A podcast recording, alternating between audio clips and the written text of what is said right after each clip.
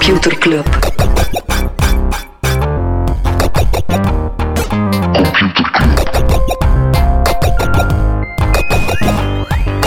Computer Club. Hey Smolly, Hey Freddy. welkom, welkom terug. Welkom, welkom bij Computer Club, een wekelijkse podcast over technologie. Iedere aflevering selecteren Freddy en ik een eh, interessant artikel en presenteren een feitje. Meestal kijken we terug naar de actueel, maar soms kijken we ook vooruit naar toffe plannen, leuke vooruitzichten. In het nieuwe jaar, hè? In het nieuwe jaar, ja, we gaan het eh, nieuwe jaar vieren met onze vrienden van de show. Hoe gaan we Gaan dat doen? Wafel, wa- wafels bakken, Yes. effectief. Eh, wat Smolly natuurlijk nog niet weet, is dat ik heel hard naar Smolly ga kijken voor wafels te bakken. Oh boy. Want ja, iemand moet tegelijkertijd ook het eh, Mario Kart en het FIFA-toernooi runnen. Want dat gaan we ook doen. Dus mensen die zin hebben, kunnen ook een eh, bakje vastpakken en eh mee karren of mee shotten. Eh, en ja. Waar en wanneer? Wel, dat gaat door op eh zondag namiddag. Ja, heerlijk, heerlijk zondags met die wafels, met die vrienden. Eh, op eh, 22 januari bij In The Pocket hier in Gent. Zijn we ook natuurlijk heel dankbaar voor de ontvangst. De zoveelste keer dat we hier mogen zijn. Maar En dat gaat heel inschrijvingen en zo? Ja, dus het is enkel voor vrienden van de show. Dus mensen die ons maandelijks steunen of die ja, ooit al eens iets van de webshop hebben gekocht. Kan je checken via vrienden.computerclub.online. En die mensen hebben een uitnodiging ontvangen en die kunnen dan op Meetup laten weten of ze komen. eh, en mogen gerust ook een eh, plus one meenemen. Mogen ook een vriendje meenemen. Maar als je nu nog vriend wordt, kun je nog altijd ook inschrijven. Hè? absoluut, absoluut. Ja, zeker en vast. Dat was dan ook al aangekondigd in onze nieuwsbrief, Freddy, maar er gaat iets interessants mee gebeuren. Ja, wel, het is inderdaad het is niet allemaal goed nieuws. Het zijn niet allemaal eh, goede, goede voornemens. Ja, we hebben wat minder nieuws gekregen met onze nieuwsbrief, is Molly. Ja, die nieuwsbrief die draaide eigenlijk al jarenlang op revue. Een dienst ooit onafhankelijk, nadien opgekocht door Twitter. En eh, dat was een van mijn eerste voorspellingen toen dat Twitter ja, door Elon Musk dan weer op hu- hun beurt werd overgenomen. Zei ik tegen Freddy, we gaan best wel al onze contactgegevens downloaden van revue, want ik heb zo'n klein gevoel dat die eh, dienst uit de lucht zou gaan. En wat blijkt, dat is effectief Zo geschieden. Ja, dus eh, we, we hadden al wel keuzes. Substack, stoppen, stoppen met de nieuwsbrief. Dat Mailchimp. gaan we niet doen. Maar het voelde niet zo goed om dan ook weer meteen naar een groot platform te gaan, want je weet nooit. En ja, via eh, een aantal van onze vrienden van de show, eh, met name de mensen van Spatie, heel cool eh, bedrijf uit Antwerpen, denk ik, die heel veel doen rond onder andere open source. eh, b- schenken dat je bijdragen aan open source producten. Die hebben Mailcoach, een heel, heel goede e-mail ja, totaaloplossing, dus zowel voor nieuwsbrieven als voor ja, marketing automation en dingen die dan Mhm. eh, slimme marketeers ook gaan doen. Eh, maar dus ja, we verhuizen naar Mailcoach. En we hebben van de gelegenheid gebruik gemaakt om onze nieuwsbrief in een nieuw jasje te steken. En we hebben die eh, geheel eh, voorzien van een heel coole telex, ja, want dat is de naam van onze nieuwsbrief. Nieuwe branding. En we gaan die ook Branding. Voor- Vet, ja, nieuwe branding. Ziek, hè? Ja. Eh, en we gaan die voortaan ook, eh, dat is ook wel belangrijk, op vrijdag versturen. Ja. nu kwam hij eigenlijk op hetzelfde moment als de podcast, wat eh, pittig was voor ons. Eh, dus we gaan ons een dagje extra kopen. Maar zo kunnen we natuurlijk wel Meer nieuws mee pakken. meer nieuws meepakken. Dus ja, mag je dan zien als ja, de, de terugblik op een weekje. Ehm, ja, het nieuws dat natuurlijk ook niet in de podcast vermeld wordt. Nee, maar het is de extra feestelijk. Het is de honderdste nieuwsbrief gaat deze week de deur dat is wel uit. mooi, hè? Dus het was echt zo bummen dat zo ja, bij de honderdste was dat het leek dat onze, ja, onze thuisbasis opgeblazen zou worden. Want ja, dat gebeurt natuurlijk pas binnen een aantal weken. Maar ja, ik vind het wel echt cool dat we onze honderdste nieuwsbrief meteen in een nieuw jasje via een coole nieuwe tool gebouwd door Belgische tool. vrienden van de show en gebouwd hier in België. Heel Ja. cool. Hoe kunnen mensen zich abonneren? Via nieuwsbrief.computerclub.online. Dat blijft wel, maar dan kom je Alright. voortaan op onze nieuwe uitvalsbasis. Dus eh, als je het nog niet volgt, zou ik zeggen, zeker doen. Yes, we gaan nu duiken in het nieuws waar we het niet over gaan hebben, Freddy. En ik wil even beginnen met een kerstmirakel. Ja, het is eh, inderdaad, we moeten, we moeten er wel op terugkomen. het is, het is een, een mirakel. Eh, ja, heel de wereld is eigenlijk in verstomming. Jezus is geboren en in Antwerpen zijn ze erin geslaagd om hackers niet te betalen en tegelijkertijd de hack op te lossen. Ja, vorige week had je het nog over het, eh, de hack van Antwerpen, het feit dat alles daar plat ligt, het feit dat die hackers... Als West-Vlamingen, de hack van de Antwerpen. hack van Antwerpen. De het feit dat die hackers aan het dreigen waren om heel wat data eh, ja, op straat te gooien als, als chantage. Hè. Mhm. Maar inderdaad, ja, waarlijk een eh, mirakel. Echt sterk. Denk ik, bijna nog niet gebeurd. En nog niet gebeurd in Klinkt de vooral hele... niet cynisch, Freddy. eh, cynisch, dat kennen we hier niet. Nee, echt waar. Chapeau. Wat is, jouw, wat is jouw take? Ofwel hebben ze wel betaald, ofwel zijn ze aan het bluffen, ofwel weten ze de data die, ge- die gestolen is, zijn vrij onschuldige gegevens, zoals iemand op Ja, maar dat zou gelekt zijn. Dat, dat, zou te, dat zou gelekt zijn. Want die, uiteindelijk, die hackers hebben er alle belang bij als een stad niet, be- niet betaalt, Mhm. ja, dan moeten ze die data lekken, anders is hun volgende dreiging niks meer waard. Ja. Hè? Wat mijn ding is, ze hebben, ze hebben het wel betaald en ze hebben een deal gesloten van we gaan zeggen dat we het niet betaald hebben. En die hackers zijn zoiets uitkomt, van, Bij de verkiezingen, ik zeg maar iets, er zijn, stel er is een moeder aller verkiezingen 2024 en de politieke tegenstander van Bart Wever zegt, hiermee kan ik hem gewoon keihard scharen, want hij heeft er flagrant gelogen. En als maar jij gaat uitkomt ervan uit week- dat er nog eens zoiets bestaat als politieke verantwoordelijkheid, waarbij dat een politicus die liegt en erop betrapt wordt, Ja, maar ja, dit is wel echt een, zeer heikel thema. Hè? ik hoop echt dat een van onze Wij ster- zelf gewoon, sterke journalisten, Pieter van Leemputten. PJ van Leemputten of Jorik of anderen, dat ze zich gewoon in vastbijten en wel echt gewoon eens graven en kijken wat dat daar echt gebeurd is, want het is een heel dunne uitleg. En dat en het feit dat er heel lang niet gecommuniceerd is, vind ik ook, dat is ook opnieuw, dat gaat tegen alle dingen in, want als er een groot datalek is, moet je heel actief communiceren daarover en zo.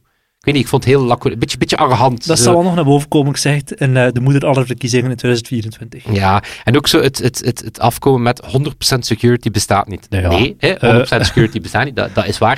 En dat geeft u nog altijd niet, geen excuus om met 25% security weg te geraken. Weet je, wel, zo, zelf de allerbeste kunnen nog gepakt worden, maar ja, iets zegt mij dat ze niet op 99,9% eh, zaten. Maar ik denk, ja, opnieuw, Antwerpse burgers en toekoer, denk ik, burgers van België, ja, moeten hier wel een verhaal krijgen. Ja, ja. Want, Wat is er daar gebeurd? En eh, ja, en hoe kunnen we ervoor zorgen dat het niet meer gebeurt? Want eh, ja, daar ik toch niet veel over. Maar bon, kerstmirakels, het is al wel fijn, hè. Ehm, minder fijn eh, voor Meta is dat John Carmack daar opstapt. Ehm, was ooit, ja, dus John Carmack, absolute OG binnen games, graphics, VR. Is echt wel een, een, een hele zot figuur. We hebben het er ook over gehad, Mhm. onder andere in de guest episode met Kenny de Remaker. Eh, die heel hard opkeek naar John Carmack. Eh Leen Segers, die ook met de metaverse Ja. en zo bezig is. Ook groot, grote fan van John Carmack. Was CTO bij Oculus, werd dan gekocht door Meta. Bleef daar dan aan, wat dat wel opmerkelijk was, want John Carmack is nogal een, eh, een uitgesproken... maar wel, het zal zijn dat hij echt dacht van hier moet ik zijn om VR een ding te Mhm. maken. Was dan afgebouwd naar consulting CTO, dus zo, ik denk één dag per week kwam hij nog in. Maar hij had al duidelijk onvredig uit, onder andere met die Quest Pro, eh, want hij, wil net meer democratische VR. Die zegt, ja, we moeten net, niet, net die high-end niet gaan opzoeken. We moeten vooral zorgen dat Mhm. meer mensen kunnen ervaren. Eh, was er ook heel outspoken over, onder andere na het eh, Meta-event. eh, gaf hij eigenlijk zijn eerlijke take eh, op Twitter. Wat opmerkelijk is natuurlijk voor een, eh, iemand die er in leadership position, zit. Ehm, maar Meta, die hebben intussen alweer gereageerd. De huidige CTO, Andrew, Andrew Bosworth, Boss, zeg, eh, wordt hij genoemd, die blijft herhalen dat ze eh, committed zijn voor de metaverse. Eh, ze noemen het zelf, we, we still believe in the future. Ja, ik ook, maar best. Waarom zou er metaverse.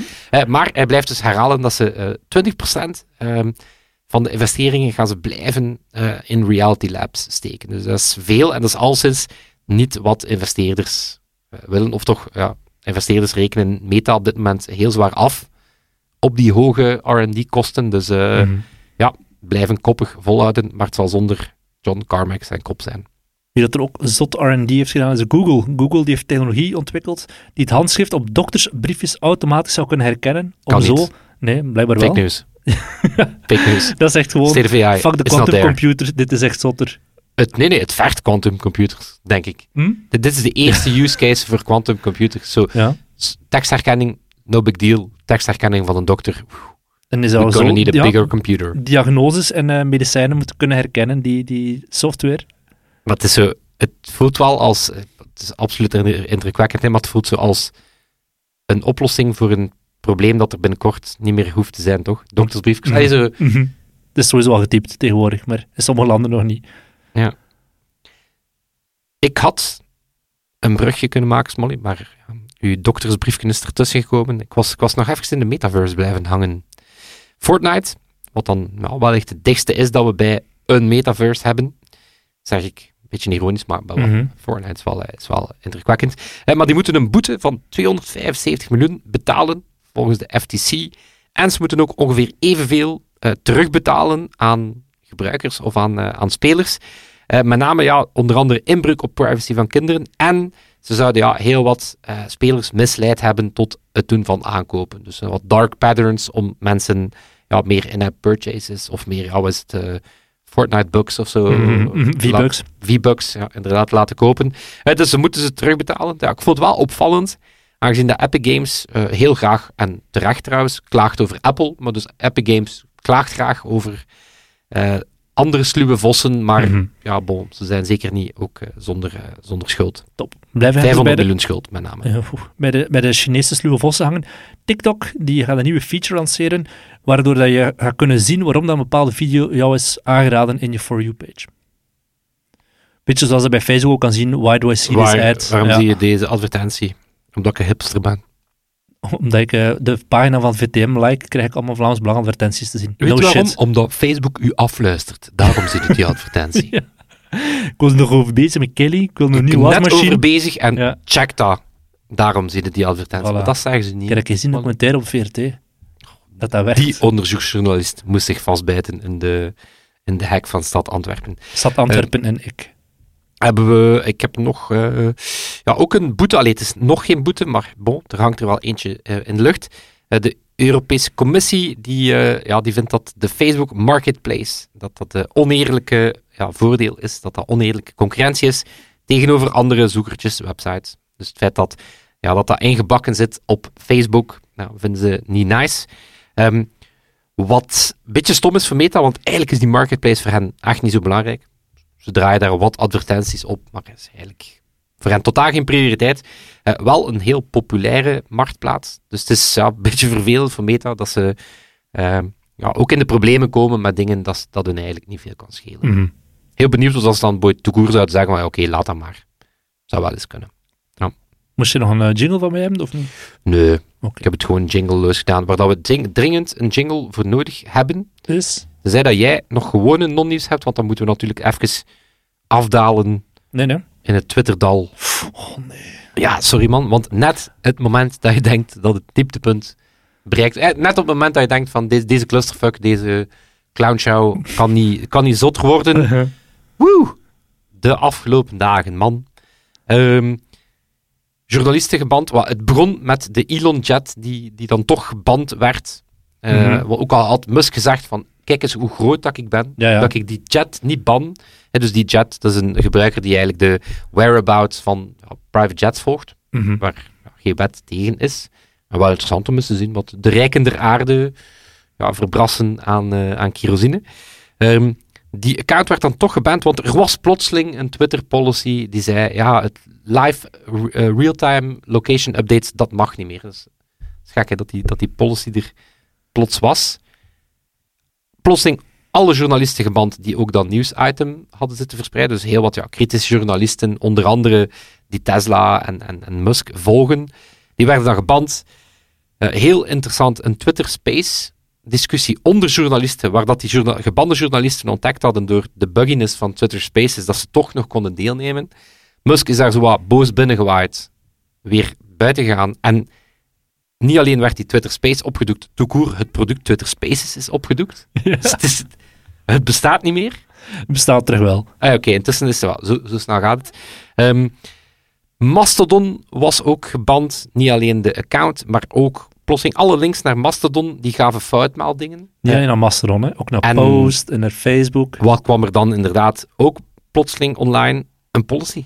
Waarbij dat je niet meer mag, echt wel, dat is wel echt het dieptepunt, hè, dat je niet meer mocht linken naar andere sociale platformen, is toch, Mhm. dat is toch het triestigste ter wereld? Ja.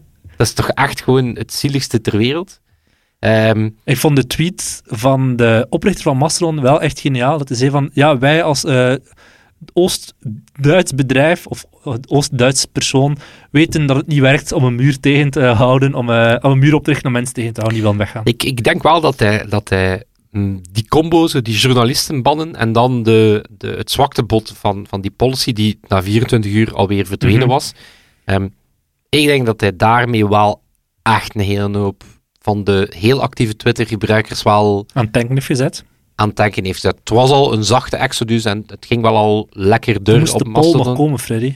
En dan de poll, want ja, het is, dit is het jaar van de polls trouwens. Dit Ja. is het jaar waar dat zo in één keer zo... Paul Houseby. Paul.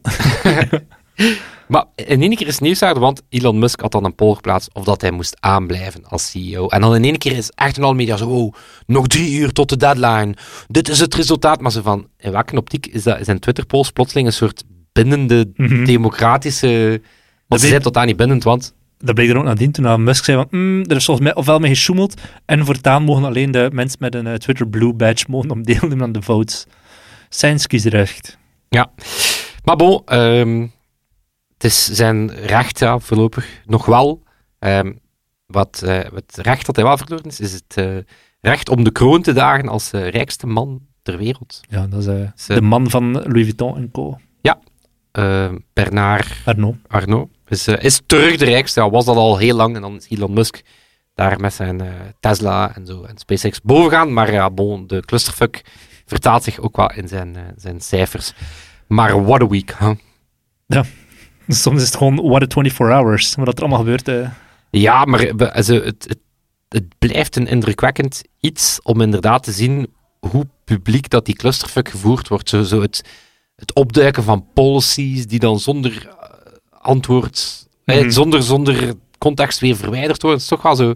ehm, maar het, zalige- het, meet, het meest meta aan, aan heel die clusterfuck is dat, ja, hoe graag dat je ook weg wilt van Twitter, het is gigantisch entertainend om op dit moment op Twitter te zitten.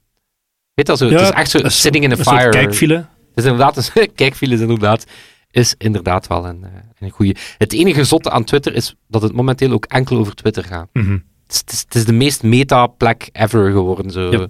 Het, je zit op Twitter om te kijken hoe dat Twitter zichzelf in de vernieling rijdt en hoe de anderen tweeten over Twitter. Ik ben wel bewust redelijk vaak op Mastodon ook eh, actief. Ik merk dat daar, het leeft ook wel hoor. Niet, niet zo hard als Twitter natuurlijk, maar het is eh, een leuke kleine community. het, het had na een heel sterke, zo na de paar weken geleden, maand geleden, dat wij als golf. server ook, eh, ook begonnen waren. Nee, natuurlijk niet omdat wij die begonnen waren, maar net, net toen was, er, was het heel populair. En ik voelde de laatste weken dat weer een klein beetje kalmer begon te worden. En nu voel je het wel weer. Maar inderdaad, het is meer een andere, kleinere, Mhm. andere, kleinere Safe plek. space. Heel fijn. Eh, zeker geen kleine plek. YouTube. Ehm, we- weet je dat je? Ehm, je kan rechten bezitten op dingen die in de toekomst gaan gebeuren en in de toekomst geld gaan opbrengen. Oké. Het is zo, Smolly. Je kunt bijvoorbeeld de catalogus van Bruce Springsteen Ja. of Bob Dylan bezitten. En dus elke toekomstige Dylan of Springsteen play, daar verdien je geld mee. Je kan ook rechten bezitten om op een bepaald gebied naar olie of mineralen. Ja, futures, eh, zoals de gasprijs. Voilà, je, Ja. kan, je kan dus perfect. Ja, maar ik eh, heb ontdekt dat je dat ook kan op YouTube-video's. Nice. Ja, ehm, ja, net zoals dat Bruce Springsteen Ik voor- koop deze meme. bijvoorbeeld. Eh, maar het is net zoals dat Bruce Springsteen recent voor ja, een half miljard alle rechten op zijn catalogus verkocht op, aan Sony Entertainment. Bestaan er ook bedrijven die YouTube-creators ehm, ja, geld aanbieden. Dus eigenlijk zeggen ze, jij krijgt nu al de inkomsten, of meer bepaald 80% van de inkomsten op het geld dat jouw eh, huidige eh, en toekomstige video's gaan opbrengen aan advertenties. Je krijgt er nu al het geld voor. Hè, bijvoorbeeld, het, artikel sprak dan over een, eh een streamer ja, Think Noodles. Ken die mensen niet, doet Fortnite en andere streaming. Ik ben een boomer, ik volg het allemaal niet. Kerel heeft een paar miljoen eh, abonnees en die kreeg bijvoorbeeld een deal aangeboden eh, van eh 2,1 miljoen voor vijf jaar. Dus dat is zeker geen... En Geen- dan, dan krijgt, eh, eigenlijk koopt dat agency dan de Ja. toekomstige inkomsten, ook al zal die meer zijn dan waarschijnlijk. Ah, wel, en dat is inderdaad, dus wat kopen ze? Ja, je, je, je huidige portfolio en je toekomstige, want dat is een van die nadelen. Ja, je moet wat content blijven produceren. Hè. Dus die Mhm. Think Noodles bijvoorbeeld, ja, die, die, die moet ongeveer 41 video's per maand blijven produceren. Nu, er zijn daar creators van die er al onderdoor gegaan zijn. Dat is een beetje Mhm. het, het nadeel van dat bestaan. Er zijn er ook anderen die zeggen van ja, geen issue, want ik zit sowieso al in de YouTube-malle molen. Ja. Dus nu Mhm. is bijvoorbeeld, ik wist het trouwens niet, dat het, eh, Deze maand... is, eh, ja. Ja, Had, jij- had jij het? eh, ja, tuurlijk. Er zijn een paar creators dat ik volg die dat doen, ja. Dus blijkbaar wordt er heel veel geld verdiend Ja. in december. Omdat er veel geadverteerd wordt. En dan moet je Elke absoluut dag wel... en dan komt elke dag. Doet er aan mee en de Schotten zit er aan mee. Voilà. Ehm, dus ja, die druk is wel heel hoog. Dus ehm, ze gaan eigenlijk... Wat je op dit moment krijgt bij YouTube is, je krijgt 55% van de, van de advertentieinkomsten op jouw video's. Dus 55% van wat jouw Mhm. video aan advertenties opbrengt, krijg je als creator. Dus die bedrijven die gaan een soort projectie doen van, oké, wat gaat dat eh, in de toekomst waard zijn? Ze hebben een soort predictive engine. en je Lees een spreadsheet. Voilà, een of andere zotte Sam Bankman-Fried spreadsheet die eh, ongetwijfeld klopt. Nee, je krijgt er dan 80% van die geprojecteerde inkomsten, maar je krijgt ze wel nu al. Ehm, maar bon, een lange looptijd, dat zijn contracten van vijf jaar, is ook niet ideaal. Ehm, waarom, zou je het, eh, waarom zou je het wel doen? Eh, of is dan de pitch van die, van die bedrijven? Ehm, maar ik zal je zo meteen vertellen wie dat daarachter zit. Oeh, Ja, mocht al raden. Ehm, het het was konijn. niet het konijn. Oké. wat het, eh, wat het, zo, het kan Boyd helpen met expansie, bijvoorbeeld ehm, richting merchandise of food. Boyd Mr. Beast, Mhm. die de Mr. Beast Burger ja, keten begon, eh, dus dat, dat helpt wel. Of Boyd een ander figuur in het artikel, Mr. Arsmond. Geen idee wat die doet. Ongetwijfeld ook iets cools. Eh, die heeft ja, een aantal van zijn miljoenen gebruikt om een, ja, in Dallas dan een ja, heel complex aan huizen te kopen om ja, zijn volledige crew en faciliteiten in te doen, want ja, dat zijn big budgets, dus ja, bon, eh, gewoon al operationeel blijven, eh, Ja. blijven, blijven gaan. Ehm, en wie zit er dan achter? Wat bedrijven kennen ze niet bij naam. Eh, Spotter Inc. bijvoorbeeld, die hebben al 740 miljoen in creators geïnvesteerd sinds eh, 2019. Gaan nog 1 miljard investeren het komende half jaar. Alhoewel dat de zaken er iets minder positief voor staan, omdat die advertentiemarkt natuurlijk eh, aan het krimpen is. Eh, dus ja, vandaar ook, ja, hoe moeilijk is het om die inkomsten te voorspellen? Weet. Het is vandaag Mhm. al, het is moeilijk om het al het komend half jaar te doen. Laat staan dat je weet wat dat er binnen vijf jaar gaat gebeuren. En dan een ander bedrijf, eh, ook nog nooit van gehoord, Jelly Smack. Ehm, en wie hebben zij onder andere in het portfolio? Mr. Beast, PewDiePie. Dus, big het, is, shots. het is eigenlijk wel zot. Het zijn eigenlijk wel Mhm. eh, labels voor, voor creators. En wie zit er achter die beide bedrijven? Want ja, beide bedrijven zijn eh 1 tot 2 miljard dollar waard. Maar koeken. Nee. Wie geeft er nog makkelijker geld uit dan Mark Koeken? Vaak met hi- hilarische pitch decks.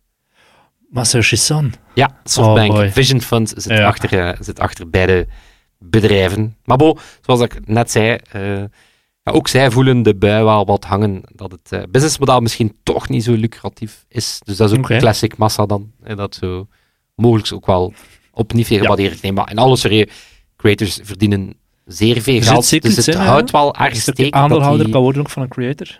Ja, dus hun pitch van die bedrijven is, het is minder riskant dan zelf leningen aangaan. Mhm. Het is minder, eh, wel, het is een pitch natuurlijk, hè. het is minder eh, dwingend dan een venture capitalist die in jou investeert. Maar bo, ik vraag me nu wel af eh, hoeveel succesvolle artiesten in muziek die nu nog voor een label zouden kiezen. Dus de Mhm. vraag is waarom zouden die creators dat kiezen? Bah, pas op, het is natuurlijk geld dat je nu krijgt. Sommige mensen is dat zeer aanlokkelijk. hè. Ja. Ik ga een beetje... Lok mij met een jingle. Ja. Computerklas. Dat was een Sorry? super schattige ja. Het internet in Japan is crazy. En daar vertel ik natuurlijk niets nieuws, maar het is ook wetenschappelijk Het bewezen. hele land is crazy. Dus Ja, het internet ongetwijfeld. Sabrina van Answer in Progress, een YouTube-kanaal, die heeft een analyse gemaakt. Eigenlijk wel vrij wetenschappelijk aangepakt. Ze heeft van eigenlijk alle landen ter wereld gekeken. Wat zijn de top 100 websites hier? Dat gescraped. Hadden in totaal iets van de 2000, 3000 screenshots van de homepagina daarvan. En dan algoritmisch gaan analyseren en, en daar labels op gaan plakken om te kijken. Ze heeft twee assen gemaakt. De ene as, de, de x-as, was eh, websites die zeer heldere kleuren hebben, of websites die zeer donker waren. En anderzijds websites die zeer minimalistisch waren. Dus die, de, website van Apple bijvoorbeeld, voor die zo zeer wit achtergrond, één foto, één beetje tekst. Of websites die zeer dense waren. En wat bleek, eigenlijk alle landen ter wereld, die van de top 100 pagina's op een web, of van, van het land, die waren zo wat mooi verspreid. Je had websites die zeer dense waren, websites die zeer licht waren, websites die zeer donker waren. websites die zeer minimalistisch waren. Maar Japan was het enige land ter wereld die Waar dat er een levende inktvis uit je scherm komt. Ja, zo, bijvoorbeeld, nee, de porno-websites had ze ervan gehaald. Maar de, eh, het enige land ter wereld die geen donkere websites met veel open ruimte hadden. Dus al die websites waren daar effectief zeer flashy, zeer visueel prikkelend. Ehm, wat, dat, wat echt crazy was, want geen enkel ander land ter wereld, dus bevestigt wel de theorie dat Japan het internet is ook, zoals het land zelf, zeer visueel prikkelend. Ja, alhoewel dat er natuurlijk ook de Japan die esthetiek is van zo heel sereen. Ja. En kan, snap je ze dat evengoed Ja, ook volledig anders kunnen zijn? zen. dat het is niet zen kunnen zijn, ja, hè? Nee, nee, want ze heeft zo'n paar theorieën opgeworpen van waarom zou dat kunnen zijn. Enerzijds, cultuur kon ze niet echt hard maken, want landen die er rond waren, waren weer anders. Karakters, het feit dat de, de fonds die de Japanse karakters ondersteunen, hebben veel meer glyphs. Er zijn eigenlijk veel minder fonds ter wereld die echt Japans kunnen ondersteunen, waardoor dat ook al moeilijker is om designhierarchie in te gaan voeren. Zoals dat wij hier bij ons heb je soms we hebben een font voor de titels en een font voor iets anders. voor de broodtekst. pairing. Zo, Ja, ja. ja dat, dat lukte ze in het Japans al veel moeilijker. En ook technologisch, dat was dan zo'n theorie die zij het meest omarmde.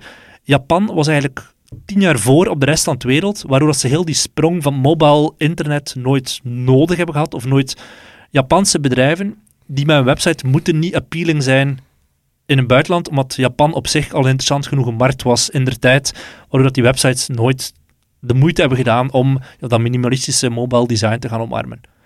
Wel een heel coole video. Eh, Answer in Progress heet het. En dat, die ging specifiek op YouTube. eh, dat kanaal had een video specifiek over het internet in Japan.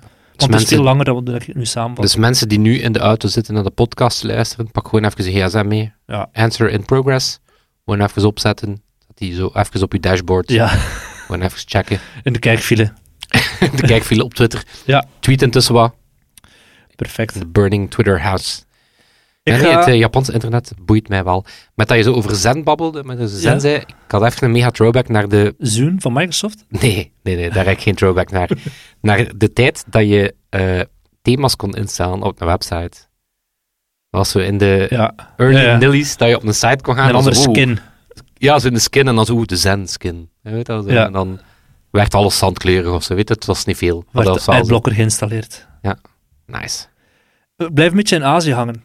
We zijn het gewend dat ja, machine learning alles vereenvoudigt. En dus ook... Doktersbriefjes, bijvoorbeeld. Doktersbriefjes. Had, Ja. heb ik in de podcast gehoord. Ik heb een interessant artikel gelezen over hoe dat machine learning de landbouw vereenvoudigt. We Weten, ik heb, ik heb mij verdiept in, en dat heet, ik wist het zelf ook niet, AgTech, spreekt uiteraard voor zich, Agriculture Technology. Yes, yes, yes. Dat is een hele tak, ik heb zelfs McKinsey-rapporten erover gelezen. Er zijn vijf verschillende divisies. Ik dacht al dat ik u... Ik dacht al dat er iets veranderd was. Ik zie, ik zie zo... Ja, heb hebt een, bodywarmer aan en een bracelet. Ja. Het is echt Straks een hoofd eh, met het is Roland en, eh, eh, Jean-Pierre. Ehm, er zijn binnen de AgTech vijf divisies. Alternative proteins, Maar het Wat- zit echt een, white- een McKinsey aan voor. I like it. I Ja, like ja. it. Sustainable materials. Ehm, ja, dat gaat dan over recycling en zo. Controlled environment agriculture. Dat gaat dan bijvoorbeeld over van die, die palen waarop er dan sla wordt gekweekt. Ah, andere manieren om om te gaan met de ruimte die we hebben. Sustainable inputs, biopesticiden en zo. Maar hetgeen waar ik het geen verdiept had, was digital and precision agriculture. Ja, we kennen allemaal de, de dingen, de platformen die bijvoorbeeld boeren in contact brengen met eh, hoe heet dit platform? Boeren en burgers, denk ik. Hier, eh, de korte keten, een soort Ja. marktplaats voor boeren en, en consumenten. Eigenlijk gaat die, die, die technologie waar ik nu op focuste, digital and precision agriculture, gaat nog een stap ervoor. Een stap die vaak is overgeslaan. Is dat drones gebruiken om de gezondheid van je crops te bekijken en echt Ja. zo... En analyseren van, zal, waar zal je de inderdaad oogst, zo- ja. inderdaad, zal de oogst sla, slagen of niet. En een heel grote speel daarin is Cropping Technology Solutions uit India, vandaar dat ze blijven in, in eh, Azië hangen, die een soort wereldwijde clouddienst is met agrarische data. En dat is wel uniek dat dat wereldwijd zit. De meeste van die spelers die zeggen, wij gaan focussen op de Vlaamse boergrond, we kennen die goed, of we kunnen focussen op Zuid-Amerika bijvoorbeeld. Maar ja, cropping die wordt wereldwijd gebruikt in meer dan 100 landen door 7 miljoen boeren. Een soort database die ehm 10.000 variëteiten van 500 gewassen verzamelt en die kan gaan voorspellen van zal de data die we nu hier zien, zal die, die oogst slagen of niet. Ze werken bijvoorbeeld samen met, hoe noemen ze, Starbucks, om te gaan kijken, de cacao-plantage, zal die binnen 12 weken, of binnen 12 dagen, is, het korter, binnen 12 dagen getroffen worden door een bepaalde ziekte of niet, zodat de boeren nu al moeten oogsten. Of ze gaan met Bayer Braziliaanse maïsboeren gaan helpen en Amerikaanse komkommertelers uh, over prognoses van het zal meer regenen of niet, dus moeten meer besproeien of niet, bepaalde plantenziektes gaan uh, bestuderen. Dus het is echt wel zotte technologie, Cropping Technology Solutions. Ze zijn nu een half miljard waard en dat is zo'n beetje een icoon, vind ik dan, voor die achtech, die technologie die echt wel booming is, die heel lang, ja, mensen keken er niet om, hè. software was mega hip en zeker als sociale media of iets is, maar die achtech, die is in het tweede kwartaal van, van dit jaar 2,5 miljard aan investeringen opgehaald. En als je kijkt, de voorbije 10 jaar is de brede VC-markt, dus voor alles, van Spotify tot, tot, ja, tot dit, is maal 11 gegaan, de voorbije 10 jaar, maar specifiek binnen achtech 20 keer zoveel investeringen. McKinsey me. Wat? Ik ging zeggen McKinsey me. McKinsey me, ja. Dus 20, 20 McKinsey zegt dus, in 2050 verwachten ze dat dat ja, met 10 miljard gaan zijn. En die voedselsector die zal in 2030 al voor 500 miljard aan bruto wereldproduct toevoegen. Dat is een verbetering van 7 à 9 procent, zegt McKinsey. Zot, hè? Ja, uiteraard heeft die sector de wind in de zeilen, want je hebt de klimaatverandering. Ja, dat is een van de meest relevante Oekraïne. dingen ever. Hè? Ja, supply chain. De ruimte die, we hebben. Ja. Steeds meer doen op een steeds duurzamere manier. Ja. ja, maar het probleem is ook wel vaak, de boeren hebben zelf de middelen niet om daarin te investeren. Wij denken van, ja, wij zien meteen de Vlaamse en Nederlandse megaboerderijen voor ons, die gewoon gigantisch veel land hebben. Maar wereldwijd, 85% van de boeren die minder dan anderhalf hectare grond. Ze hebben totaal ook het geld niet om zo'n daarmee dat ik die Daarmee dat ik naar die boeren ga, ik zeg, geef me de rechten op uw land. Ja. Ik geef u 80% van de inkomsten de komende vijf jaar. De pacht. En dan laat ik daar high-tech op los. Bam! Zot. Nee, hoe dat zij dat uiteraard doen, die Cropin, maar ook andere spelers, die gaan, die gaan in zee met een Unilever of met een Starbucks, die zegt, ja, voor ons is het relevant om dat te hebben. En zij, en zij kunnen de investeringen ja. inderdaad wel doen voor hun boeren, yes. of, of, misschien bezitten ze die, die landen zelf. Uh. Ja, dat zijn partnerships. Hè. Dus zij kunnen inderdaad zeggen van, kijk, gaan we onze zee... Bijvoorbeeld in België is dat Arvesta die dat heel vaak doet, Arvesta van de Boerenbond. Zeer uh, invloedrijke speler, uiteraard. Maar zij gaan dan vaak in groep dingen, platform... Ik weet niet wat ze dit nu hebben nagekocht, maar soortgelijke investeringen doen, dan die kennis gaan delen met hun leden. Heel Boer, interessante de markt. op. De boer op. Actech. Nee, maar er zo al een paar gehad, hè. zo InsurTech, PropTech, PropTech, ja. Achtech, MedTech. EdTech, Wat? EdTech? EduTech. Ah, EduTech, ja, ja, ja. Amai, amai. Soms gaan we echt uh, de whitepapers uh, in. Hé, maar ik heb een app geïnstalleerd van McKinsey, McKinsey Insights. Wel interessant. Kun je zo rapportjes lezen en zo. Maar ze Twitter echt wel bij had graag. Zo, je hebt echt veel vrije tijd. Op de McKinsey-app. Kom nu een uur per dag vrij, nu dat ik geen Twitter meer... Uh... Ja. Voor mij zijn zelf McKinsey-mensen welkom. Op onze wafelbak, als ze natuurlijk vrienden van de show zijn. Ja, en Daar discrimineren ze niet. Als het is om ons geld te geven, we don't discriminate. Ja, mijn zus en Nee. schoonbroer zijn van McKinsey, dus dat mag je niet zeggen. Ja, nee, we hopen eh, natuurlijk uh, zoveel mogelijk van onze vrienden daar te verwelkomen. Uh, de invite zit in je mailbox en anders moet je ons maar een uh, berichtje sturen als je, als je, denkt dat je die over het hoofd gezien hebt of misschien zelf niet gekregen Misschien ben je net vriend geworden via vrienden.computerclub.online. Misschien word je wel vriend na het lezen van onze nieuwe nieuwsbrief. Nieuwsbrief.computerclub.online Even schaamteloze promo. Voorlopig nog geen eigen website voor deze twee helden, Toon en Sebastian. Maar we gaan er altijd wel promo voor voeren. Toon en Sebastiaan die ons altijd helpen met onze mix. Sebastiaan, die dat deze week doet, zijn we natuurlijk super dankbaar voor. En dat zal het zijn. Tot volgende Tot volgende week. Yo. Yo. Computer Club.